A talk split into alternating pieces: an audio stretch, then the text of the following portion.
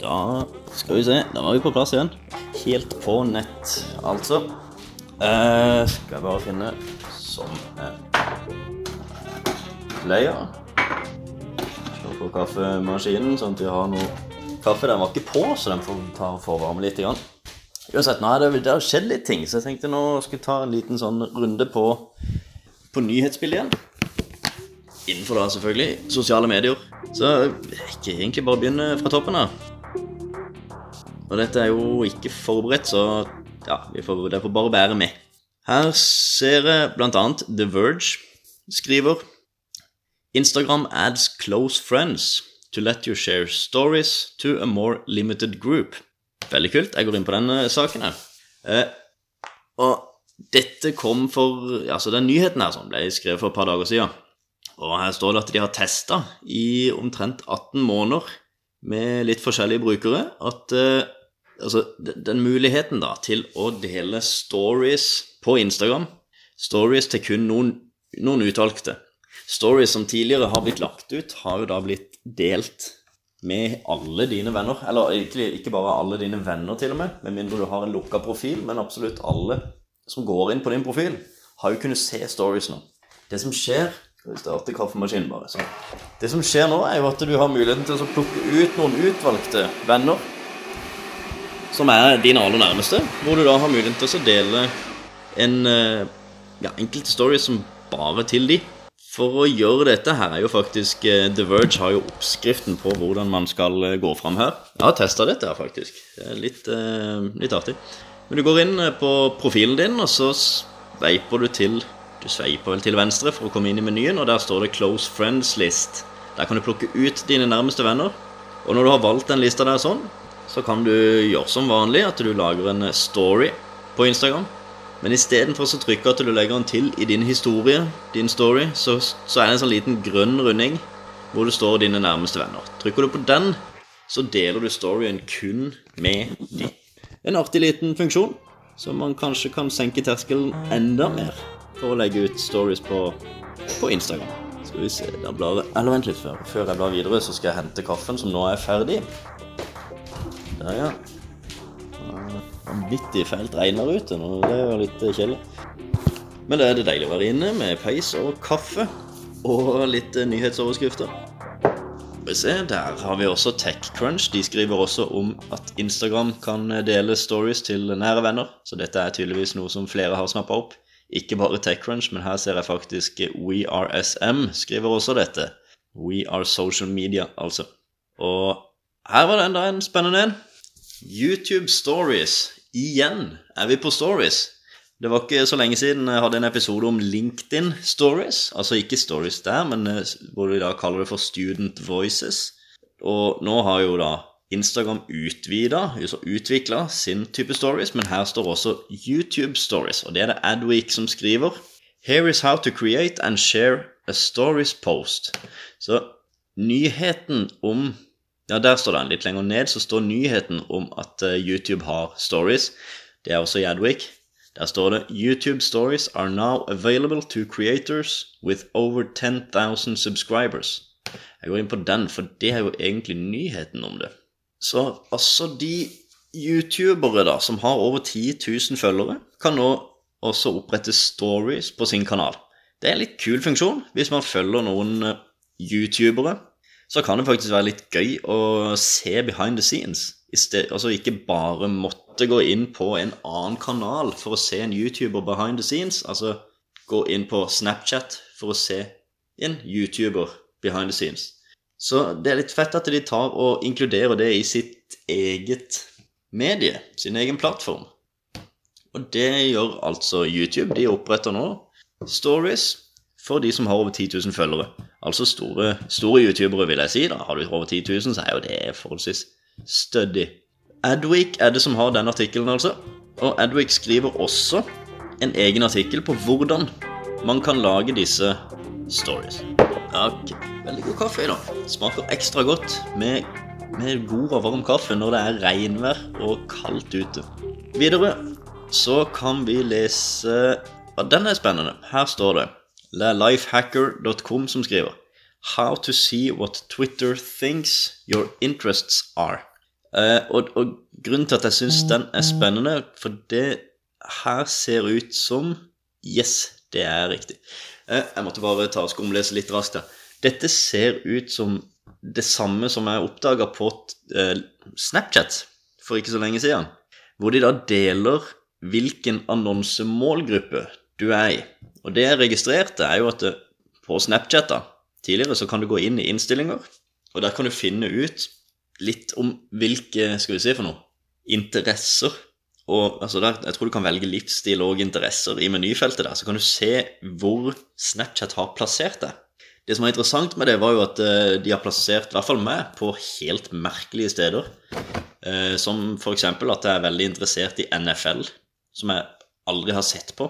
Og det, det er mye rare, rare, ting som de har eh, plassert deg i, og du kan Ja, det er masse rare målgrupper. Uansett så står det her at du kan finne ut hvordan Twitter også plasserer deg. Og Denne artikkelen her er det Lifehacker som har eh, skrevet. Og der kan du gå inn i innstillinger og se hvilke interesser de har plassert deg under. Og det er jo interesser, her står det jo på engelsk, da. Bear, books, Canada, comics, cooking, food, financial news, games, geography Masse forskjellig. Det er også mye eh, så den har både navn, du har uh, musikkategorier, geografiske områder, veldig mye forskjellig. Og dette er jo rett og slett interesser som skal gjøre at du får relevante annonser. Men nå har du muligheten til å gå inn og stille på dette sjøl. Og hvis du er en veldig aktiv bruker av Twitter, så vil jeg faktisk anbefale deg å gjøre dette. Da kan du gå inn på lifehacker.com og se hvordan du stiller inn dette. For, og du bør også gjøre det på, på Snapchat òg. For de har de, Jeg vet ikke helt hvorfor, men de klarer ikke å treffe veldig bra når de skal anta hvilken målgruppe du er i. Skummer litt videre her på nyhetssida. Instagram purchase fake accounts and engagement. Will it affect your marketing? Her er det Social Media Examiner som skriver en liten sak i forbindelse med dette at Instagram nå eh, de går aktivt ut for å fjerne falske profiler. Så veldig mange som har kjøpt følgere Det er jo noen som har gjort det, og det er til og med noen som har kjøpt følgere for andre og det er ikke bra, for at du får ganske lite relevant eh, si noe engasjement på, på, din profil. Nå har jo da Instagram satt i gang en, eh, en oppryddingsprosess hvor de skal fjerne disse falske følgerne, da. Så veldig mange opplever at de mister følgere. Men det trenger ikke å gjøre noe, det. Det er egentlig bare en positiv sak. For det at du mister følgere, betyr at du egentlig får en mer relevant følgerskare. Så en positiv sak, det, altså. Skal vi se SpaceX attempted wickedly complex satellite launch Launch, ikke lunch, Launch. Wired som skriver litt om det. Skal vi se, men jeg går ikke inn på den saken. Eiendomsskatt ikke helt relevant i forhold til denne podkasten. Hvis du er interessert i det, så har VG skrevet om det. Skal vi se. 1. desember, ja. Facebook change, is changing its messenger broadcasting policies on January 1st, 2019. Den er veldig interessant, og det er det botlist.co som skriver. Dette Botlist.co er egentlig en slags oversikt over botter. Over messengerbotter og Slackbot, Twitterbot, alt mulig. Det er drevet av Seth Louis. Men han, han skriver, altså han oppsummerer her egentlig en del endringer som skjer i Facebook Messenger. Og nå driver jeg med litt botter. Jeg syns det er gøy, så dette er ganske relevant for min del. Men nå skal det altså være litt Hva skal man si for noe? Man må, man må ha riktig innhold for at en bot skal bli godkjent av Facebook. Så lenge du sender ut nyheter, eh, produktivitet og personlig tracking-informasjon Altså, ja vel? Facebook is changing its, messenger broadcasting policies. If your bot sends news, productivity, or personal tracker information, you need to submit your page to Facebook for review to ensure uninterrupted service. Once approved, your page will be able to continue sending broadcasts to users outside the 24 plus 1 window. This is very important for sending broadcasts. Og det er jo rett og slett for det som er greia nå, er at eh, man har ikke lov til å sende ut meldinger uten å ha fått en aksept for kunden, altså, eller mottakeren, ikke kunden, men mottakeren av meldinga, innenfor 24 timer. Så når jeg sender ut meldinger nå på min bot, f.eks., så sender jeg ut 'hei', og så stiller jeg et spørsmål. Vil du motta et tips, eller? Jeg skriver 'hei', og så må man svare 'hei'. Uansett, jeg har ikke lov til å sende ut informasjon før mottakeren har akseptert og sagt ja, eller ja, jeg kan motta et tips i dag. Eller ja, jeg kan motta informasjon fra deg i dag.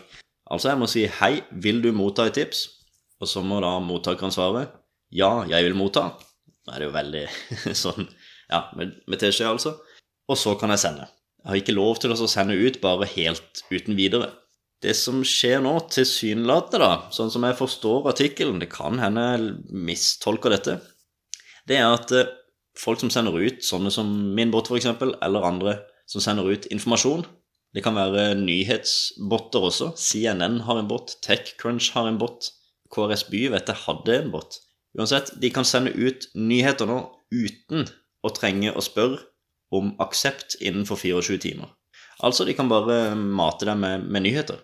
Men for å få lov til det, så blir de nødt til å bli godkjent av Facebook. Her står det 'Go to your page setting, click Messenger platform'. Under Advanced Messages feature, click 'Request'. Next to subscribing messaging. Fill out the form and submit. Ok, så du må bare søke om aksept for å kunne sende meldinger utenfor 24-timers-vinduet, som man kaller det. Med det så tror jeg egentlig jeg tar og stopper. Det, det skjer veldig mye. Men uh, det var en fin oppsummering nå, tenker jeg. Takk for at du hører på denne podkasten. Og det hadde vært supert om du hadde hatt lyst til å gi en liten review, en liten tilbakemelding, i iTunes. Du finner link til hvor Altså link til iTunes i um, Er det shownotes man kaller det? Ja, det er det. Takk for at du hører på. Så høres vi igjen. Ha det bra.